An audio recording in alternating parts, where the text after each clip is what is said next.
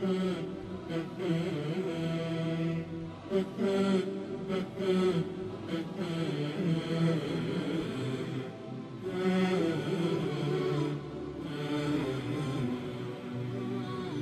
se sjećate na našem zadnjem predavanju, bilo je riječi o pripremi za dan povratka Allahu subhanahu wa ta'ala. Odnosno, o pripremi za smrt i ono što nas čeka nakon nje. To su trenuci zasigurno koje će sve jedan od nas da doživi. Prije ili kasnije. I to su trenuci koje niko od nas ne poznaje kada će mu doći. Zato s pravom svaki vjernik i vjernica koji žele sebi uspjeh, spas i na Tunjalku i na Hiretu trebaju žuriti sa tom pripremom, da se pripreme za taj dan. Kako bi im uz Allahu dozvolu taj dan bio najsretniji dan na životu, u, u životu na Dunjalku, na ovom Dunjalku. Kada mnogi drugi oko nas budu plakali da se mi radujemo, da nam to bude najradosniji dan.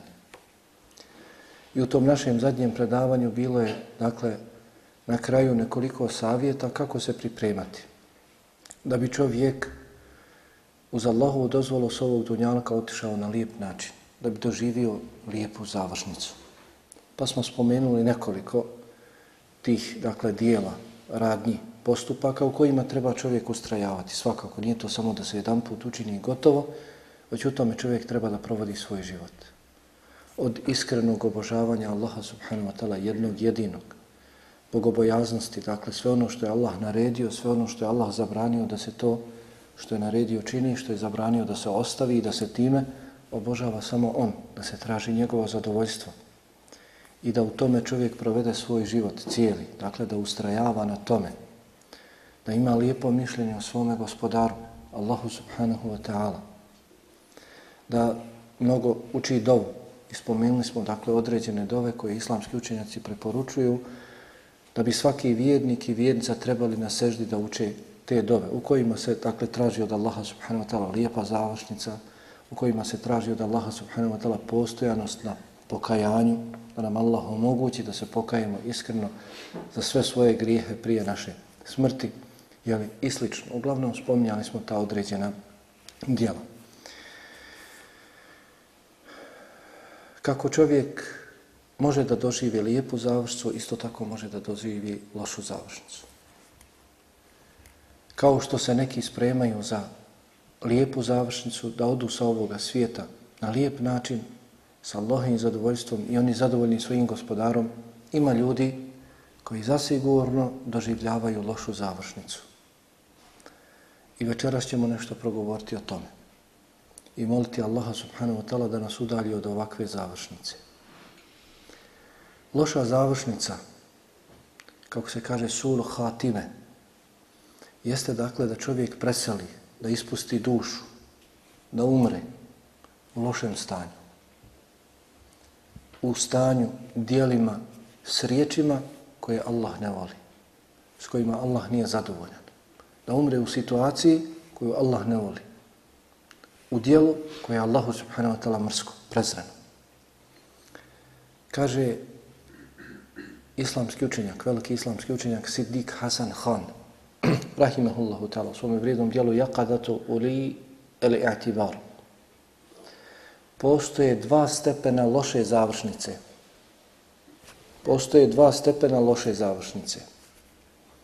Pa kaže prvi stepen koji je daleko, daleko gori od drugog. Prvi stepen. Da srcem onoga koji je na samrti. Dakle, da srcem čovjeka koji umire predvlada, nadvlada njegovim srcem sumnja u Allah. Da čovjek na samrti počne da sumnja u Allah. Da počne da negira Allah. Da počne da se žali na Allaha subhanahu wa ta'ala. Da počne da sumnja u Allahu odredbu. imate dosta ljudi koji kada ih snađu smrtne muke, Allah i svoje mudrosti daje ljudima završetak kakav on hoće, odnosno smrtne muke kakve on hoće. I zasigurno jedan od razloga, kako je to spominjano u šerijatskim tekstovima, jeste da svoga roba očisti. Ali isto tako da ispita, čak i u tim zadnjim trenucima. Pa možete čuti i čuli ste vjerovatno da ima ljudi koji kažu Bože, ako te ima, daj mi smrt. Ili mi daj mi izlečenje. Ovako kažu. Bože, ako te igdje ima, daj mi smrt. Nemoj da se pati. Koja je svrha ove patnje? Koja je svrha ove boli? Na samrti tu govori. Dakle, da čovjekovim srcem predvlada, nadvlada sumnja, negiranje Allaha subhanahu wa ta'ala, poricanje Allaha subhanahu wa ta'ala, kaže ovaj šeh, Sidik Hasan Khan, pa da između njega i Allaha se postavi pregrada i da bude zauvijek udaljen od Allaha i Allahove milosti i da vječno boravi u džahennem. Ovo je zasigurno najgori stepen loše završnice. I kaže drugi, koji je blaži, ali isto tako opasan. Drugi stepen loše završnice koji je blaži, ali isto tako opasan, da srcem onoga koji umire, koji je na umrlu, nadvlada ljubav za nekom dunjalučkom stvari, za nekim dunjalučkim slastima i strastima, pa da u trenutku ispuštanja duše u njegovom srcu ne bude ništa drugo do ljubav prema toj dunjanskoj stvari. Pa da umre na tome, priželjkujući, i da ljubav, želja za tom dunjalučkom stvari bude pregrada između njega i riječi la ilaha illallah.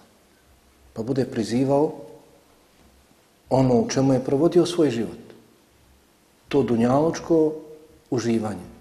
Čašicu, cigaru, muziku, pjesmu, da mu se pusti i to bude pregrada između njega i riječi la ilaha illallah. Kada se bude pozivao da izgovori riječi la ilaha illallah, on će nešto drugo izgovarati. Izgovarati ono u čemu je provodio svoj život. Zbog ovoga Allahov poslanik sallallahu alaihi ve sellem je rekao, kako bilježi imam Buharija, al-a'malu bil havatim. Dijela se vrednuju po završnicama. Dijela se vrednuju po završnicama. Također je rekao, kako bilježi imam Tabarani, a šeha Albani ocjenjuje vjerodostanim u sahihul džamiju, hadis, kaže Allahov poslanik sallallahu alaihi ve sellem, la tu'đebu bi ameli amilin hatta tanzuru bima juhtemule. Nemojte da se divite ničijem dijelu. Sve dok ne vidite kako će on završiti svoj život. Sve dok ne vidite u čemu, na čemu ćemo biti zapečaćen njegov život. U čemu će završiti svoj život. Nemojte se nikome diviti njegovim dijelima. Posebno ga hvaliti. Hvalisati i slično dok ne vidite završnicu. Dok ne vidite završnicu. Zbog svega ovoga Allahov poslanik sallallahu alejhi ve sellem je najčešće učio dovu Allahume ja muqallibal qulub thabbit qalbi radin. O ti gospodaru moj koji okrećeš srca, učvrsti moje srce u tvoje vjere. Zbog svega ovoga, niko. I vidjet ćemo, ja spomenuti neke primjere, a izostavio sam mnoge, da me ne biste ulažu tjerivali. Šta se dešava i šta ljudi govore na samrti, šta knjige i oni koji su pristovali umiranju određenih ljudi, gasuljenju i ostalo, šta su sve vidjeli kod ljudi na njihovim tijelima. Ali čovjek kad čita da nema tog seneda, lanca prenosilaca, rekao bi teško da se ovo stvarno desilo. Ali se desilo. Zbog svega ovoga, Allahov poslanik sallallahu alaihi sallam je govorio Allahu moj, ti koji okrećeš ljudska srca, moje srce učvrsti u tvojoj vjeri. Kad je on to govorio, to je bila njegova najčešća dova na srđi. Koliko trebamo mi? Njemu su oprošteni svi grijesi. Najbolje stvorenje. Najbolji dio u džennetu Fjerdeusu je za njega obećan. Posebno mjesto, Meqam Mahmud. Posebno mjesto kojeg je dostojan samo jedan Allahov rob. Inša ta'ala, to će biti on za to mjesto. I toliko opet za sebe se boja. Prošli puta sam spomenuo hadis Anas ibn Malik, Anas ibn Malik radijallahu ta'ala prenosi ovaj hadis, kada je došao Allahom poslaniku alihi sallam i čuo te riječi i rekao Allahov poslaniče, zar se bojiš za nas? Mi smo povjerovali u tebe i mi te slijedimo, zar se bojiš za nas? Kaže, doista su sva ljudska srca između dva Allahova prsta i on ih okreće kako hoće. I on ih okreće kako hoće. Zbog svega ovoga, Allahov poslanik sallallahu alaihi sallam neizostavno, zbog čega su pojedini islamski učenjaci rekli da je to fard namaza, ruk namaza, prije predaje selama učio dovu Allahumma inni a'udhu bike min adabi nar, wa min adabi l-qabr, wa min fitneti l-mahja wal mamat, wa min šarri fitneti l-mesihi d-dađar. Allahumma ja se utječem od kaburskog azaba, od uh, džehennemske patnje, od kaburske patnje, od kušnje života i smrti. Kažu učenjaci kušnja života jeste ono što nas mnogo šta snalazi u životu na ovom svijetu, a kušnja smrti jeste ta završnica. Utječem ti se od loše završnice. Od toga da me iskušaš, jeli, na samrti. Pa da loše završi. I utječem ti se od zle kušnje Mesiha Dejjala. I pogledajte, dakle, Džehennem, Kabur, slušali smo o Kaburu i Mesih Dejjal. Sve su to posebne kušnje. Mesih Dejjal najveća kušnja na Dunjaluku. Zatim u Berzehu Kabur, Allahov poslanik sallallahu alaihi sallam Buhari i Muslimu, stoji da je rekao, meni je posebno, dakle, objavljeno da ćete se iskušavati, ispitivati u Kaburu kao što ćete biti ispiti, ispitani kušnjom Dejjala. Kao ili slično. Isto ili slično. I da ne govorimo o patnjama džahannama.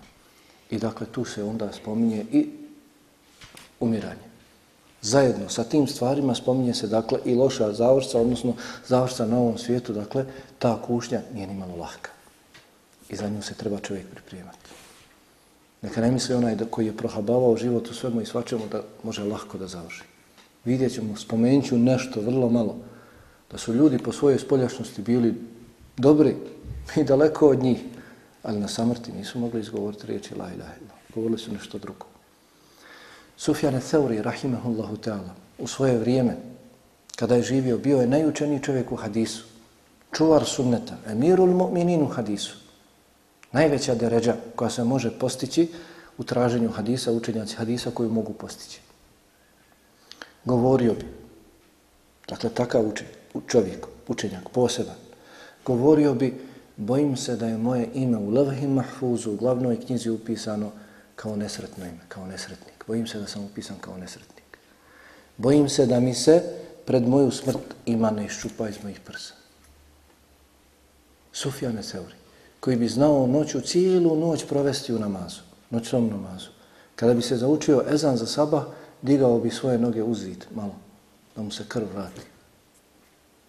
Malik ibn Dinar, rahimahullahu ta'ala, klanjao bi noću, cijelu noć bi provodio namazu. Pa dok bi učio Kur'an i obraćao se Allahu subhanahu wa ta'ala u dovi, govorio bi, gospodar moj, ti dobro znaš stanovnike dženneta i stanovnike džehennema. Ti znaš, Allah posjeduje sve obuhvatno znanje. Prije nego nas je stvorio, znao je ko će od nas u džennet, ko će od nas u džehennem.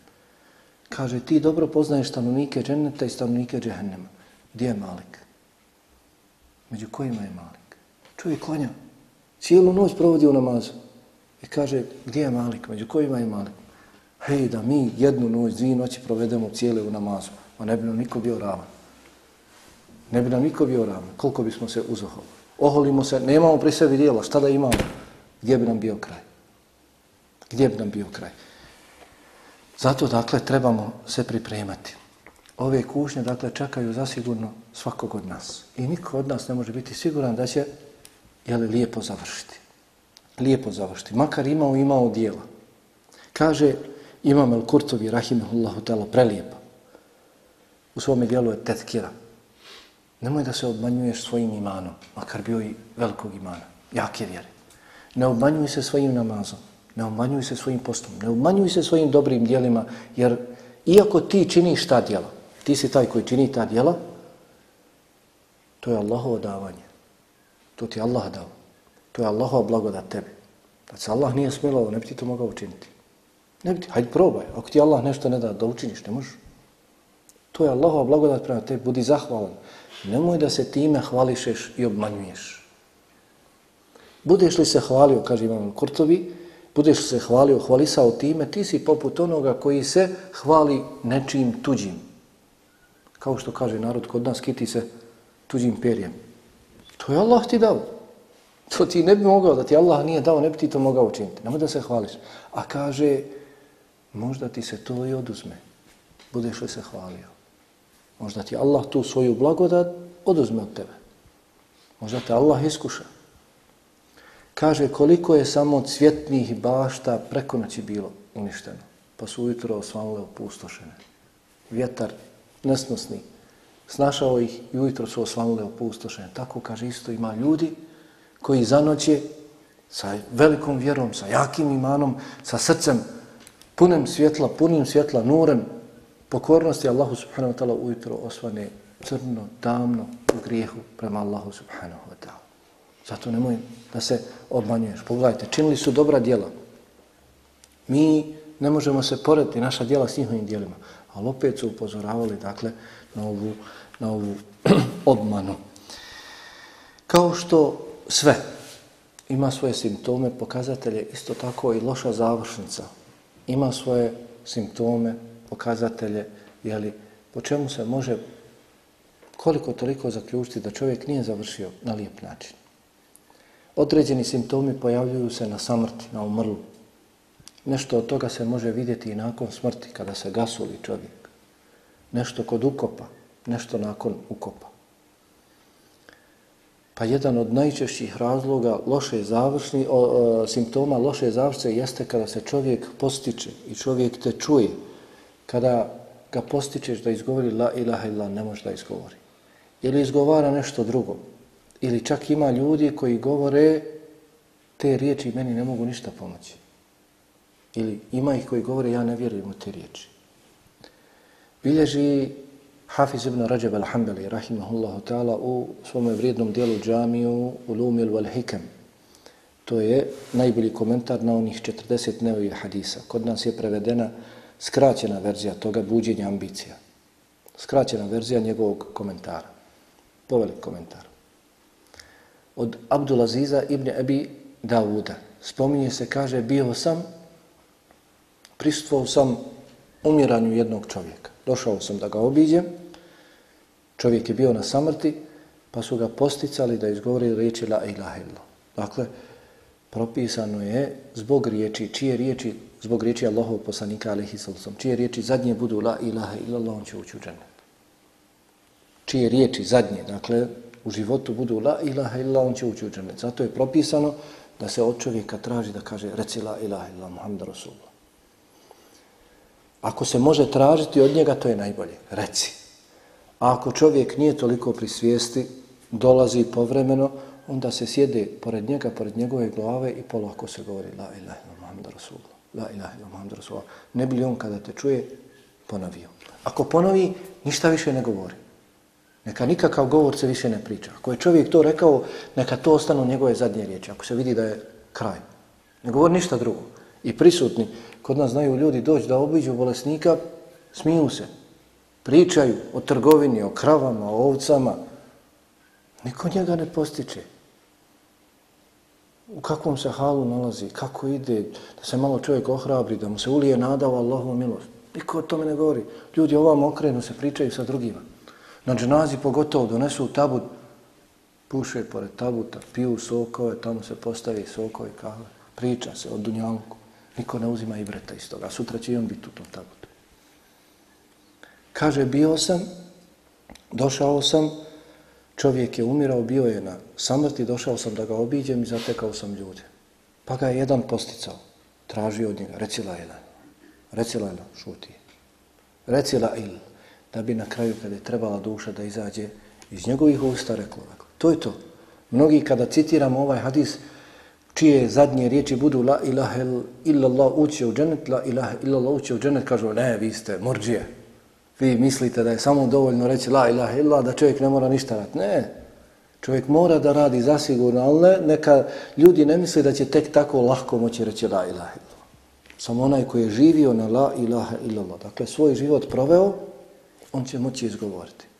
Onaj koji je bio daleko od ovih riječi u svome životu, neka zna. Ovaj kada je trebao da ispusti dušu, iz njegovih usta je rečeno huve kafirun bima tekul. On ne vjeruje u te riječi, on je kafir u te riječi koje mu ti govoriš. Nije mogao tek tako lako. Nije to, evo, meni džennet. Izgovori, nemoj ništa rad, Dok na samrti, lahko, pročitaću, la ilaha illallah, reću i gotovo ući u džennet. Ne može se to tako, draga moja braća. Već je njemu nastupio ahiret. Već je njemu došao melek smrti. On više ne vlada svojim razumom. Samo onaj koji je ustrajavao u zikru, ustrajavao i badetu Allahu subhanahu wa ta'ala, njemu će jezik da nastavi da veliča Allaha subhanahu wa ta'ala u tim zadnjim trenucima. Jedan od šehova iz Kasima, Abdurrahim Tahan, spominje na jednom svom predavanju, koji govori o ovome strah od loše završnice. Slučaj jednog mladića, bio je udes, težak udes, saobraćajni udes, i stradao je ovaj mladić.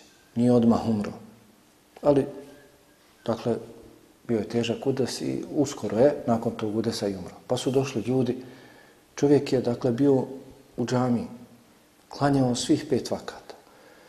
Nakon određenih namaza sa svojim prijateljima, hababima, kada bi klanjao, učio bi Kur'an. I desio mi se saobraćanje udes. Pa su došli ahbabi, čuli, požurili, oni s kojima je klanjao. Čak je jedan od njih donio njegov mushaf u kojem je on učio.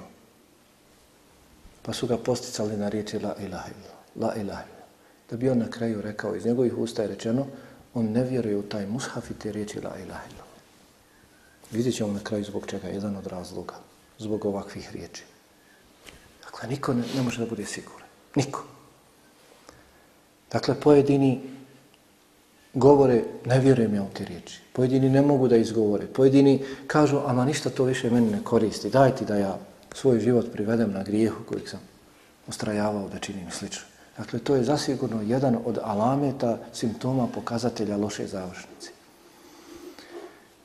Kod gasuljenja, uglavnom se kod takvih ljudi mijenja boja kože. Uglavnom lice pocrni. Lice dobije nekakav prestravljujući izgled. Čovjek bježi, prepadne se. Koga gasuli, od jedan put kada se promijeni njegova boja kože, bježi pobježe, prestravi se od njegovog izgleda. Dešava se kod pojedinih da krv izlazi iz očiju i ostalo. U kaboru spominju, dakle, brojna kazivanja da se ljudi prevrnu u kaboru. Okrenu ih prema kibli, kasnije se prevrnu. Spominje se, dakle, istim kazivanje. Nisam htio da vam mnogo spominjem. Bojat se da neko ne, ne misli da je laž. Jedan, možda ste i čuli za ovo kazivanje koji je bio poznat i kasnije pričao o tome mnogo, otkopavao je muslimanske kaburove. Kada god koji musliman umre, on dođe na dženazu. Pogotovo ako su bile dženaze iz bogatih porodica. Dođe i prati ukop.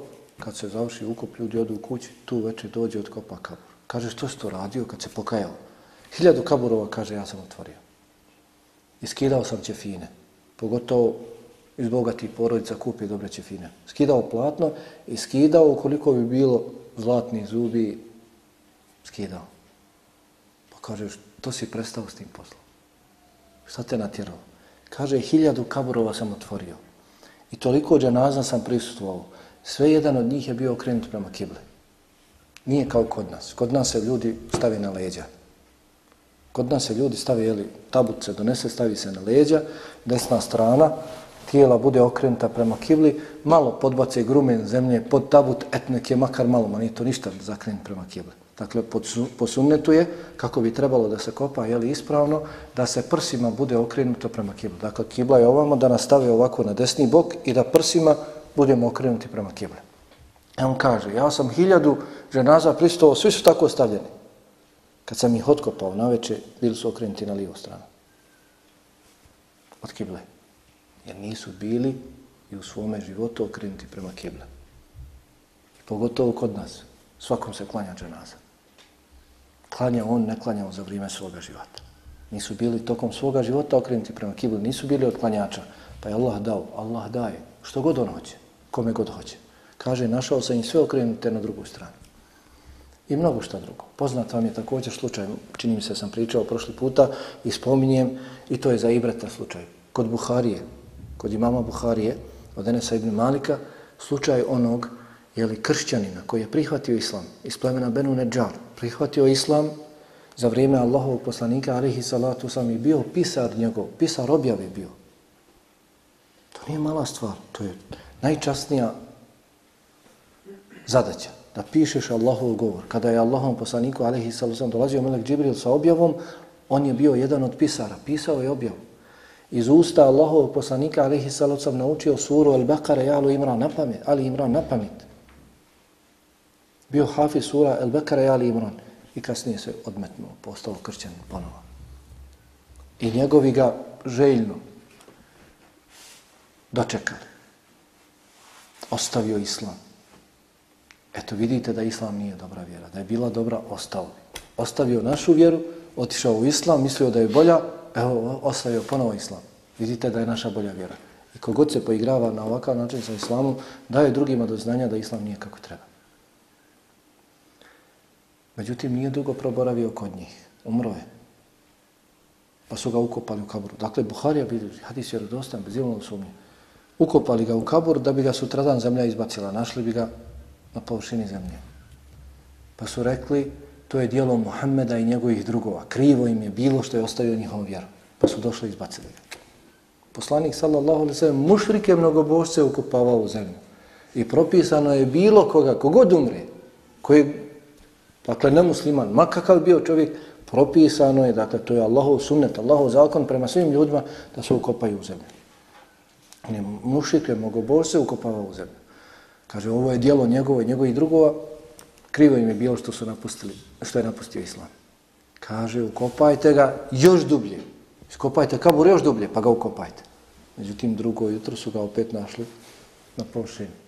Ukopajte još dublje. Treće jutro Kad su ga još jedan put zakopali, četvrto jutro kad su ga našli, rekli su ga, ostavite ga. Nema za njega kabora. Pa ne znam ti koliko kabura ukopamo ga, njega će zemlja izbaciti. Dakle, sve su to simptomi loše završnice. Koji su razlozi koji dovode do toga? Dakle, zasigurno, jedan od najčešćih razloga jeste neispravno vjerovanje. Neispravno vjerovanje, pogrešno vjerovanje. Ako dakle čovjek uopće vjeruje, svakako nevjerovanje, nevjerstvo, loša završca mu se piše sigurno. Ali što se tiče nas, dakle, trebamo voditi računa o svome vjerovanju. Neispravno vjerovanje, neispravno objeđenje i obožavanje Allaha subhanahu wa ta'ala novotarijama. Jedan je od razloga koji vode do loše završnice. Zato se svaki vjernik i vjenca moraju podučiti ispravnom vjerovanju. I kod nas i širom svijeta, dakle, postoje svakakva vjerovanja, svakakva objeđenja. Ima ih koji kažu da je dovoljno da čovjek spozna svojim srcem Allah. Ima ih koji kažu ja sam vjernik u srcu, ja nikome ne činim zlo. Ima ih koji kažu dovoljno što ja kažem la ilaha illa Muhammedu Rasulullah.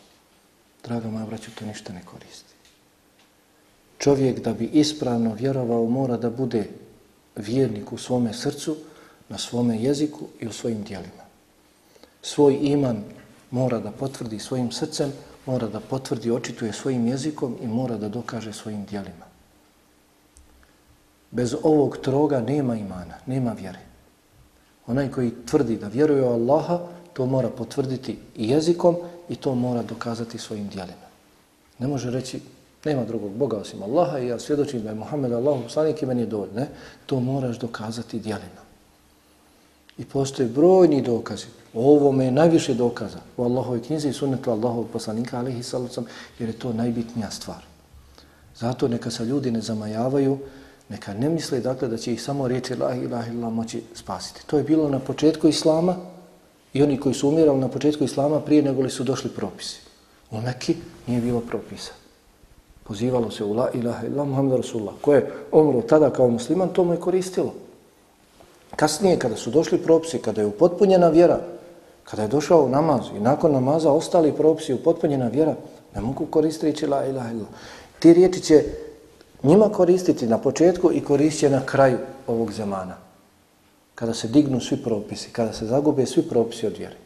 Kada ne bude namaza, kada ne bude osim riječi la ilaha illallah. Biće ljudi koji će govoriti riječi la ilaha illallah, neće znati šta znače te riječi. E tada, takve će spasiti riječi la ilallah. U ovom našem vremenu, kada ima znanja, kada vidimo ljude praktičare koji praktikuju vjeru, kada se moremo, možemo vrlo lako upoznati s vjerom da nam koriste te riječi, sigurno neće. Zato, dakle, trebamo se upoznati ispravnom vjerovanju. Šta je ispravno vjerovanje? I biti što je god moguće udaljeniji od novotarije.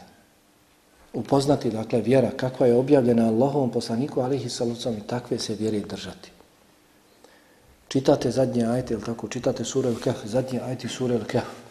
Kul hal nunabbiukum bil ahsarina a'mala, alladine dalla sa'juhum fil hajati dunja, wa jahsebune annahum juhsinune sun'a.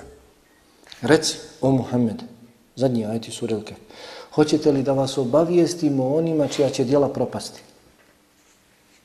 Čija će djela biti ništa? Dakle, djela radili su, ali će propasti. Alladine dalle sa'juhum fil hajati dunja. Oni čiji je život na dunjalku bio izgrađen na krivom putu, na stramputici, ne na Kur'anu i sunnetu. وَيَحْسَبُونَ Ennahum yuhsinuna suna, a smatrali su da ono što čine da je dobro. Smatrali su da ono što čine od dijela da je dobro. To su novotarije, braće. Niko ne čini novotariju osim iz ubjeđenja da ga ona približava Allahu subhanahu wa ta'ala. Eto, sve ove novotarije u nas u narodu što se čine odlazak na Ajvatovicu, odlazak u djevojačku pećinu i slično, kod turbeta, ovdje i onde, ljudi misle da se time približavaju Allahu subhanahu wa ta'ala, da im to koristi, da se njihova dova tu sigurno prima, da ih badet na tim mjestima bolje, zar ne kažu mali hađ. Iz ubjeđenja, međutim šta? Ahsarine amala, čija će djela propasti. U prah i pepeo biti pretvorena. Zato, dakle, svakom vjerniku i vjernici koji žele sebi uspjeh, spas na dunjanku, jeste da se upoznaju sa ispravnim vjerovanjem i sa onakvom vjerom kako je objavljena Allahom poslaniku, alihi sallam. Zbog čega je došao? Ako ćemo mi opet od sebe izmišljati i badet i obožavati Allaha kako god hoćemo. Zbog čega je došao?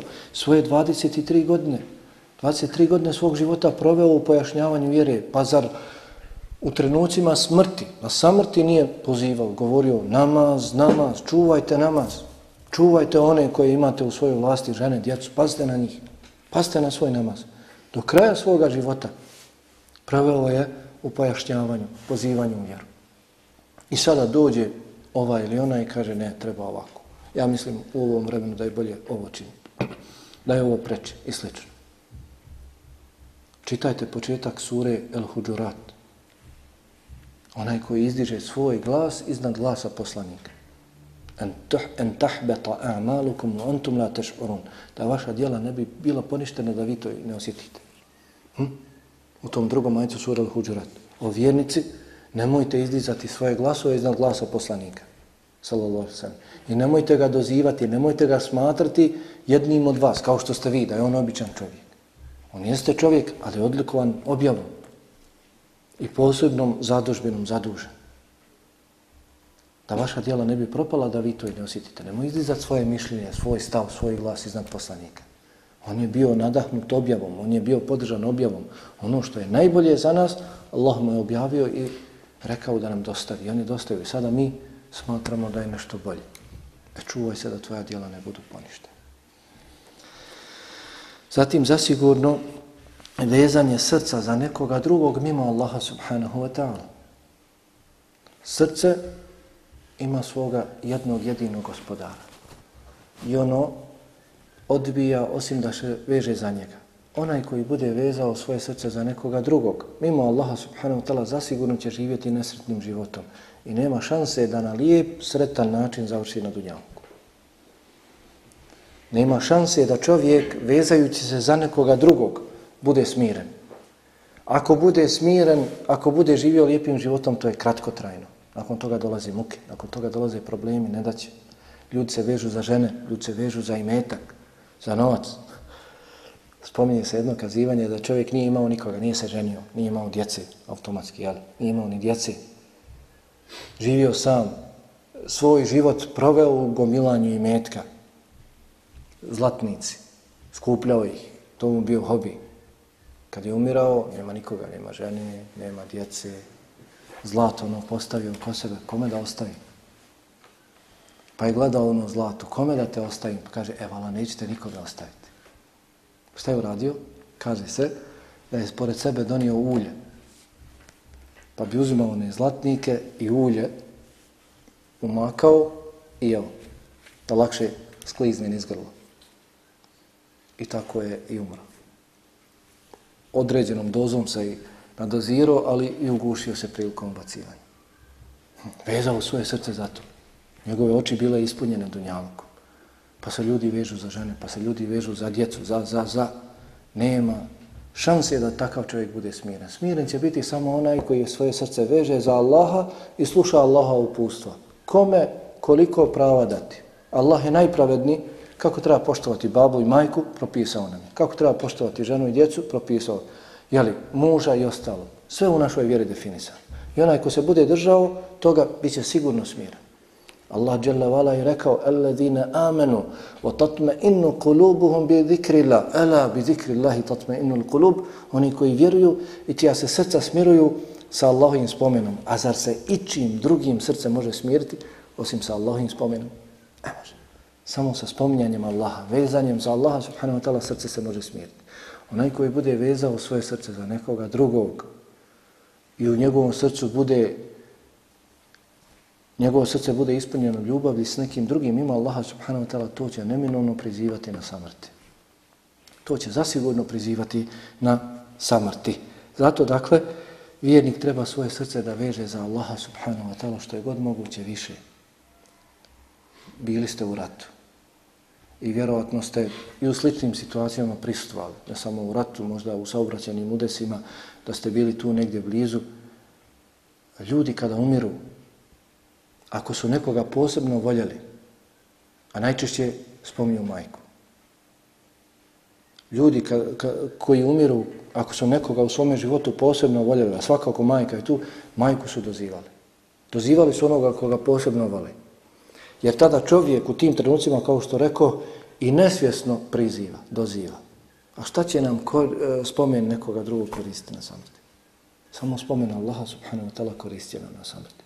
Zato posebno, najviše trebamo voliti Allaha subhanahu wa ta'ala. Svoje srce vezati za njega. Zatim, razlikovanje čovjekove spoljašnjosti i unutrašnjosti. Razlikovanje čovjekove spoljašnjosti i unutrašnjosti. E to je to. Ona je bio u džami, ona je učio Kur'an, ali nije izgradio svoju unutrašnjost. Poznato me, ovdje spominjao sam hadis i zavređuje da se stalno spominje i da se stalno upozoravamo na njega, njegovu sadržinu. Doista Allah ne gleda u vaše izglede i vaša tijela, već gleda u vaša srca i vaša djela. Kako hadis bližimo muslim. U istinu, Allah ne gleda u vaša tijela i vaše izglede, kakvi ste, lijepi, niste, široki, visoki, niski. Allah gleda u vaša srca i vaša djela. Kad nam neko hoće doći kući, spremimo kuću, pospremimo, zategnemo. Zašto? Zato što ljudi danas u svašto gledaju.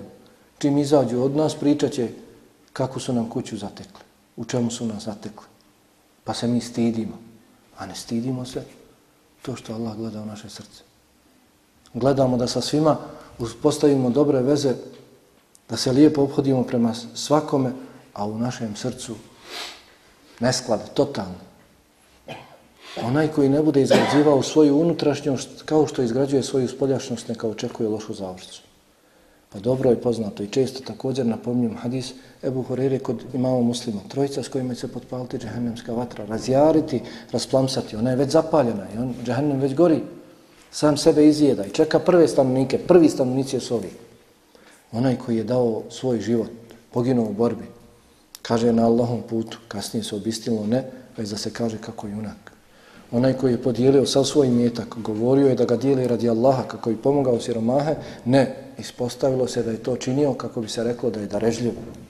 I treći koji je imao znanje, tražio šerijatsko znanje, znanje iz vjere i dijelio ga drugima, govorio da se poduči, da se otkloni neznanje od ljudi, da se proširi Allahova riječ, ispostavilo se da je to činio, da se kaže kako je učen. I njih, oni će se prvi baciti u džehennem. Oni će se prvi baciti u džehennem. Zašto? nisu odli računa, nisu bili iskreni, nisu odli računa o svome srcu. Zato, dakle, treba, trebamo voditi računa. Danas Činjenica je da mnogi vode računa samo o svojoj spoljašnosti. Samo o svojoj spoljašnosti. Treba voditi računa i o spoljašnosti. Ako od nas naša vjera traži da budemo takvi, trebamo biti takvi. Ali isto naša vjera od nas neizostavno traži da vodimo računa o svojom srcu. Da budemo iskreni. Da strahujemo od Allaha, da se nadamo Allahu, da volimo Allaha, da budemo zadovoljni Allahom. Sve su to dakle djela srca. Sve su to djela srca. Šta će nam eto? Pogledajte, ovo su najbolja djela da čovjek ima šarijetsko znanje, da ima i metka, da ga dijeli, pomaže siromahe, da dadne čak svoj život za Allahu vjeru, to su najbolja djela. Ali šta su im koristila? Nisu bili, nisu bili, jeli, iskreni. I dobro nam je poznat hadis. Inna rađula la ja'malu amala ahli l-đenne hatta ma yakunu bejnehu wa bejneha zira fa jesbiku alihi l-kitab fa ja'malu bi amali ahli nar fa jedhulha doista će čovjek činiti dijela stanovnika dženneta, sve dok između njega i dženneta ne bude koliko je lakat.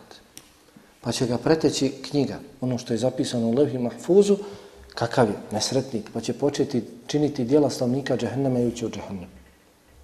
Ovaj hadis ima drugi rivajt, kod imama Buharije. Doista će čovjek činiti dijela stanovnika dženneta fima jebdu linnas. Onako kako ljudi budu smatrali ljudima se pretvarati. Vohuva min ehli nar, a on je od stanovnika vatre. Nije vodi računa u svojem srcu, pretvarao se. Šta je munaficima koristio namaz i za najboljeg Allahovog groba? I za poslanika Muhammeda a.s. Ništa, čekaju ih najdublji slojevi džahennama. Zato što su bili munafici, što nisu čistili svoje srce. Srce im bilo ispunjeno nevjerstvom. Zato dakle čovjek mora da vodi računa kako, kao što vodi računa o svojoj spoljašnjosti, mora da vodi računa o svojoj unutrašnjosti. Poznato nam je iz naših prethodnika, Selefu Saliha, ashaba, koliko su oni bojali za sebe. A eto, kada čitate njihova dijela, šta su radili, a nema nas nigdje. Nema nas nigdje. Poznato vam je, Huzeyfi radijallahu talan, da je Allahov poslanik alihi salacom, ha, povjerio imena munafika u Medini. Ko je sve munafik? Samo njemu. Zato se on zove čuvar tajne Allahovog poslanika alihi salatu wasalam. Kada je Allah obavijestio svoga poslanika Muhammeda sallallahu alaihi sallam u munaficima u Medini, jer su oni najgori. Humu la'du fahdorhum. Oni su zaista, zaista neprijatelji, zato i se dobro čuvajte. Kaže Allah subhanahu wa ta'ala za munafike. I pogledajte, najviše ajeta govori o munaficima. U Kur'ani Kerimu tri su jeli, kategorije ljudi. Kažu komentatori, Allah najbolje zna zato što će biti najviše i zato što su najopasni. I zato treba doći najviše pojašnjenja da se oni razotkriju. Imamo od mene dva predavanja oko 60 osobina kroz Kur'an i kroz sunnet munafika. Potražite, podavno je to, staroj predavanje. Kroz Kur'an i kroz hadis oko 60, 65 osobina munafika. Po čemu se prepoznaju? O tome mnogo Kur'an govori jer su oni najopasniji, mora, moraju se znati. Pa je povjerio Huzeyfi, poznato me da ga je Omer stalno presretao i govorio ima li mene među njima. Omer radijallahu ta'ala, drugi halifa, onaj kome obećan džennet. Allahu poslanik sallallahu alaihi sallam za života obećao mu džennet. Čovjek od kojeg je šetan bježao na drugu stranu kada ide šetan, kako je došlo, obavješteni smo u hadisma, šetan bježi na drugu stranu. Čovjek koga je objava Kur'an nekoliko puta potvrdila. On rekao, došao u Kur'anski ajet nakon toga isto što je Omer rekao. Zar nije rekao Allahov poslanik alihi salatu sam da je za mene bilo ljudi nalik poslanicima vjeruju se to bio Omer. Međutim, kaže, ima mene među njima dje. Uzeife, ima mene, sam ja od munafika. Je li mene spomenuo poslanik sa? Abdurrahman ibn Auf, također jedan od one deseterice koji su obradovani džennetom. Došao kod majke vjernika Umu Seleme, radi Allahu ana, da se posavjetuje, mori ga nešto, brine se. Koliko mi tražimo savjeta, idemo i pitamo. Kaže, šta je sinko? Umu Selema, supruga Allahov poslanika, ali nakon smrti poslanika Alehi Salocam, došao je kod Umu Kaže, majko vjernika, ja sam najimućniji Korešija. ja od svih kurešija imam najviše imetka. Bojim se za sebe. Bojim se da me moj imetak ne uništi. Kaže, dijeli. Dijeli jer sam u istinu čula Allahovog poslanika, alaihi salatu sam, da je rekao Biće mojih ashaba koji me neće vidjeti nakon što ih napustim. Kako to? Neće umrijeti u islamu. Umrijeće kao nevjernici. Jer sutra na sudnjem danu nevjernici neće vidjeti niti Allaha, niti Allahov poslanika, alaihi sallam. To će biti najveća kazna za njih. Neće vidjeti Allaha subhanahu wa ta'ala. Nikako. Dok će vjernici vidjeti. I to je najveća počast za vjernike. Najveća nagrada. Kaže, doista od mojih ashaba bit će onih koji me neće vidjeti nakon što ih ostavi. Nakon što umre. Odim od njih. Pa Abdurrahman ibn Auf izašao sa uprestrane. Sreo Omera, kaže Omeru, Omer odmah ide Domu Seleme, kaže, jesam ja od njih. Da ti nije spomenuo mene poslanika, ali da ja nisam od tija sahaba. Koliko se mi bojimo za sebe? Ebu Hureyre radi Allahu talan utjecao se Allahu od nifaka, od licemjerstva. Pa ga čuli. Kažu, zar ti, ashab, čuvar sunneta Allahovog poslanika, alaihi sallam, ti se bojiš licemjerstva? Kaže, teško li se vama, sve dok je šeitan živ, čovjek ne smije za sebe da bude siguran. Sve dok je šeitan živ, čovjek za sebe ne smije da bude siguran. Abdurrahman ibn Abi Lejla iz generacije Tabina kaže, zapamtio sam 30 ashaba, sve jedan od njih se bojali nifaka, licemjerstva. Hm.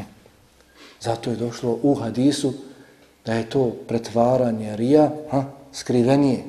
Tako čovjeku prilazi lahko i skriveno da je to poput crnog mrava na crnoj stijeni u crnoj noći.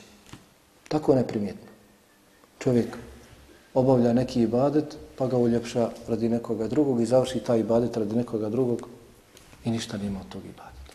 Zato dakle treba voditi računa u svojoj unutrašnjosti dobro. Zatim ljubav prema grijehu, ustrajavanje u grijehu, ljubav prema grijehu, onaj koji bude nešto posebno volio na dunjanku, to neminovno mora spominjati na samrti. Kao je šejh Sidik Hasan Han u svom dijelu Jakadatu Lili Tibar, dugotrajna ljubav prema grijehu neizostavno povlači spomen dotičnog grijeha na samrti. Javljanje želje za tim grijehom na samrti. Okretanje duše ka tom grijehu. Pa ukoliko ispusti dušu u takvom stanju, nema sumnje da će imati lošu završnicu. I bilo je ljudi kada mu kažeš, reci la ilaha illallah, kaže ne koristite mene riječi. Daj da ja onaj svoj grijeh učinim još jedan put. Daj da iskoristi maksimalno svoj život. Bilo je ljudi, pustiš mu Kur'an, on kaže, gas Kur'an, pusti mi tu i tu pjesmu u kojoj je provodio svoj život. I slično. Isto tako, tako dakle, ustrajavanje u grijesima. Ukoliko je čovjek ustrajavao u grijesima, to je također jedan od pokazatelja da je volio grije. Onaj koji voli grije, teško ga se može kotarisati. Stalno, jeli, ustrajava u njemu. Duge nade, duge nade, zasigurno, jedan je od razloga loše završce. Onaj koji se nada da će živjeti i živjeti na dunjalku i graditi i graditi, i skupljati, smrt ga pretekne nespremnog za nju. U tim njegovim dugim nadama. Upravo ljudi se nadaju da će živjeti kako bi što više na dunjalku zaradili. Pa je dakle ova smrt pretekne u njihovim nadama. Zato nam je Allah poslanik alihi salacom govorio da što je god moguće više dobrih dijela učinimo danas, a ne ostavljamo za sutra. Govorio nam je, je tako, budite na dunjaluku poput stranaca ili putnika prolaznika. Uzmi od dunjalka koliko ti treba. Nemoj da se obezbjeđuješ misliš da će živjeti i živjeti. Uzmi koliko ti treba. Mi mnogi gledamo deset godina unaprijed, komšije nam za noć je gladno. A poslanik Alehi Salocom kaže, ne vjeruje u mene onaj koji za noć je sit, a pored njega njegov komšija zna da je za noć je gladan. Ne vjeruje u mene. Opasan hadis. Ne vjeruje u mene onaj koji za noć je sit, a zna da je njegov komšija za noć je ogladan. Pa nam je rekao, živite na dunjalku poput stranaca. Kada dođeš u neko mjesto, nije tvoje mjesto, Ništa ti se ne mili, ne znaš kome da bi se obratio. Uzmeš ono što ti treba, ideš dalje. Ili putnik, prolaznik, prolaziš. Sebe bi spominjao, primjer mene i moga Dunjalka, govorio bi Allahu poslanika, alaihi sallam, primjer mene na Dunjalku je poput putnika koji putuje, pa svrati malo u hladovinu, odmori se i ide dalje. Ja putujem ka ahiretu i svratim na dunjalog što mi treba, idem dalje. Abdullah ibn Omer radijallahu anhu bi govorio kada osvaneš, nemoj očekivati da ćeš omrknuti. A kada omrkneš, ako i omrkneš, nemoj očekivati da ćeš osvanuti. Dok si zdrav, radi za svoju bolest. Dok si živ, radi za svoju smrt. Ali ja radijallahu talam bi govorio ono čega se najviše bojim za vas jesu duge nade i slijedjenje strasti. Ono čega se najviše bojim po vas jeste slijedjenje strasti i duge nade. Slijedjenje strasti kaže odvraća od istine. Istina i strasti su dvije krajnosti. Kur'an i sunnet na jednoj strani hak, na drugoj strani slijedjenje strasti. A duge nade kaže bacaju ahiret u zaborav. Onaj ko se nada da će živjeti i živjeti na dunjavku ne razmišlja o ahiretu. Zasigurno, samoubistvo. jedan je od razloga loše založnice. Samoubistvo. Dakle, ima ljudi koji bivaju iskušani teškom bolešću, patnjama u toj bolesti, pa bivaju zadovoljni Allahom odredbom strpljivi, Allah i nagradi za to. Ali ima i ljudi koji se žale na Allahu odredbu, žale se na tu patnju, nastoje po svaku cijenu da se riješe te patnje, pa makar makar i da se ubiju. Ako počine tako, nema sumnje da im je loša zavrca i na dunjalku i na ahiretu. I na dunjalku i na ahiretu. Pa je došlo u hadisu, ili tako vjerodostojnom, ko se ubije nečim, time će se ubijati na sudnjem danu, neprestano. Na drugom svijetu. Ko se nečim ubije na dunjalku, time će se na drugom svijetu, na kijametu, na ahiretu ubijati stalno. Također se spominje u hadisu, Allahov poslanik alihi salatu wasalam spominjao je slučaj čovjeka iz prethodnih generacija. Kako je bio ranjen, pa su ga snašle teške boli, muke, pa je uzeo i ubio se. Allah subhanahu wa ta'ala tada objavio, rekao, abdi ba dereni, pretekao me moj rob. Ja sam bio propisao smrt za nekoliko trenutaka. Da umre. Kao moj pokoran rob pa me pretekao. Faja'altu faharamtu alihi l-đenne. Pa sam mu džennet učinio strogo zabranjeno. Moj rob me pretekao od tamo. Ja sam mu bio propisao za kratko vrijeme da će umriti, ali on nije mogao da bude strpljiv. Pa se ubio. Pa sam mu džennet učinio strogo zabranjeno. Zasigurno loše društvo. Loše društvo razlog je loše zavrće mnogih ljudi. Dobro nam je poznato, okrenimo se malo i oko sebe, možemo vidjeti koliko je bilo ljudi koji se držali vjere, pa su zbog lošeg društva popustili u vjeri. Pa ima i onih koji su ostali skroz vjeru, kojih više nema na namazu nikako, koji se ismijavaju s vjerom, koji žale što su ono vrijeme dok su bili u vjeri proveli ga u vjeri. Žale za lošim društvom Žale za tim vremenom koje su proveli. Jeli? Što su jeli, proveli dok su bili vjernici? Žale za tim. Zasigurno dakle loše društvo. Zato nam je rečeno, podučeno, čovjek je na vjeri svoga prijatelja zato neka svako od vas gleda s kim se druži. Al mar'u ala dini khalilihi fel jandura ahadukum min halil. Čovjek je na vjeri svoga prijatelja zato neka svako od vas dobro gleda s kim se druži. Čovjek s onim s kim se često druži, prima njegovu vjeru, prima njegove običaje, prima njegovo ponašanje, njegove sklonosti poprima, pogotovo ako je slaba ličnost. Onda od društva koje je iznad njega poprimit će sve. Jel? Zato se kaže, jeli, sahib, u arapskom jeziku za druga se kaže sahib, ashab, sahib, jeli, drugovi poslanika, ali sam sam ashab, ashabul dženna, ashabul nar, jeli, drugovi dženneta, drugovi džahennema, stanovnici, ha, sahib. A isto slična riječ ima sahib. Ovamo, kod druga je sad, a kod uh, ove druge riječi je sin. A sin, sahib, znači onaj koji te vuče. Pa sahib je sahib. drugi onaj koji te vuče. Pa izaberi druga koji će te vući ka Allahom zadovoljstvu. A ne koji će te vući ka sržbi Allaha subhanahu, subhanahu wa ta'ala. I zasigurno je li neustrajavanje u pokornosti Allahu subhanahu wa ta'ala.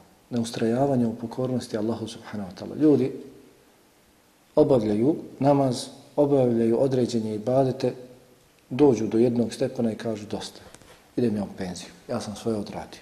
Ne. Dakle, Allaha subhanahu wa ta'ala treba obožavati do zadnjeg trenutka. El a'malu bil havatim. Ha? Dijela se vrednuju po završnici. To što si bio prije deset godina na namazu, sad nisi, to nema. Neš od toga imati nikakve koristi. Dijela se vrednuju po završci. I svakako, jeli, za postavljanje telbe. Allah subhanahu wa ta'ala sve nas poziva. Makako neko od nas mislio da je jakog imana, velikog imana, da ima kod sebe dobri dijela, trebamo se kajati Allahu subhanahu wa ta'ala stalno. Stalno. Ja juhal ladina amenu, wa tubu ila Allahi jamijan, ejuhal mu'minun, la'alakum tuflihun. 31. majtu sura Nur. I svi se Allahu pokajete vjernici da bi vam se milost ukazala. Svi. Kažu islamski učenjaci, najbolji iblisov vojnik. Najbolji iblisov vojnik jeste Seufe, sutra ću, sutra ću, sutra ću, odgađanje. S takvim vojnikom šeitan Iblis najbolje odrađuje ljude koji odgađaju. Dakle, ovo su otprilike neki razlozi loše završnice. Allah subhanahu wa ta'ala molim da nas sačuva i ovih razloga i na kraju loše završnice, da nam podari dobru završnicu, da bude zadovoljan s nama i na dunjalku i sutra na ahiretu. Subhanakallahu wa hamdika, šadu an la ilaha illa anta astaghfiruka wa atubu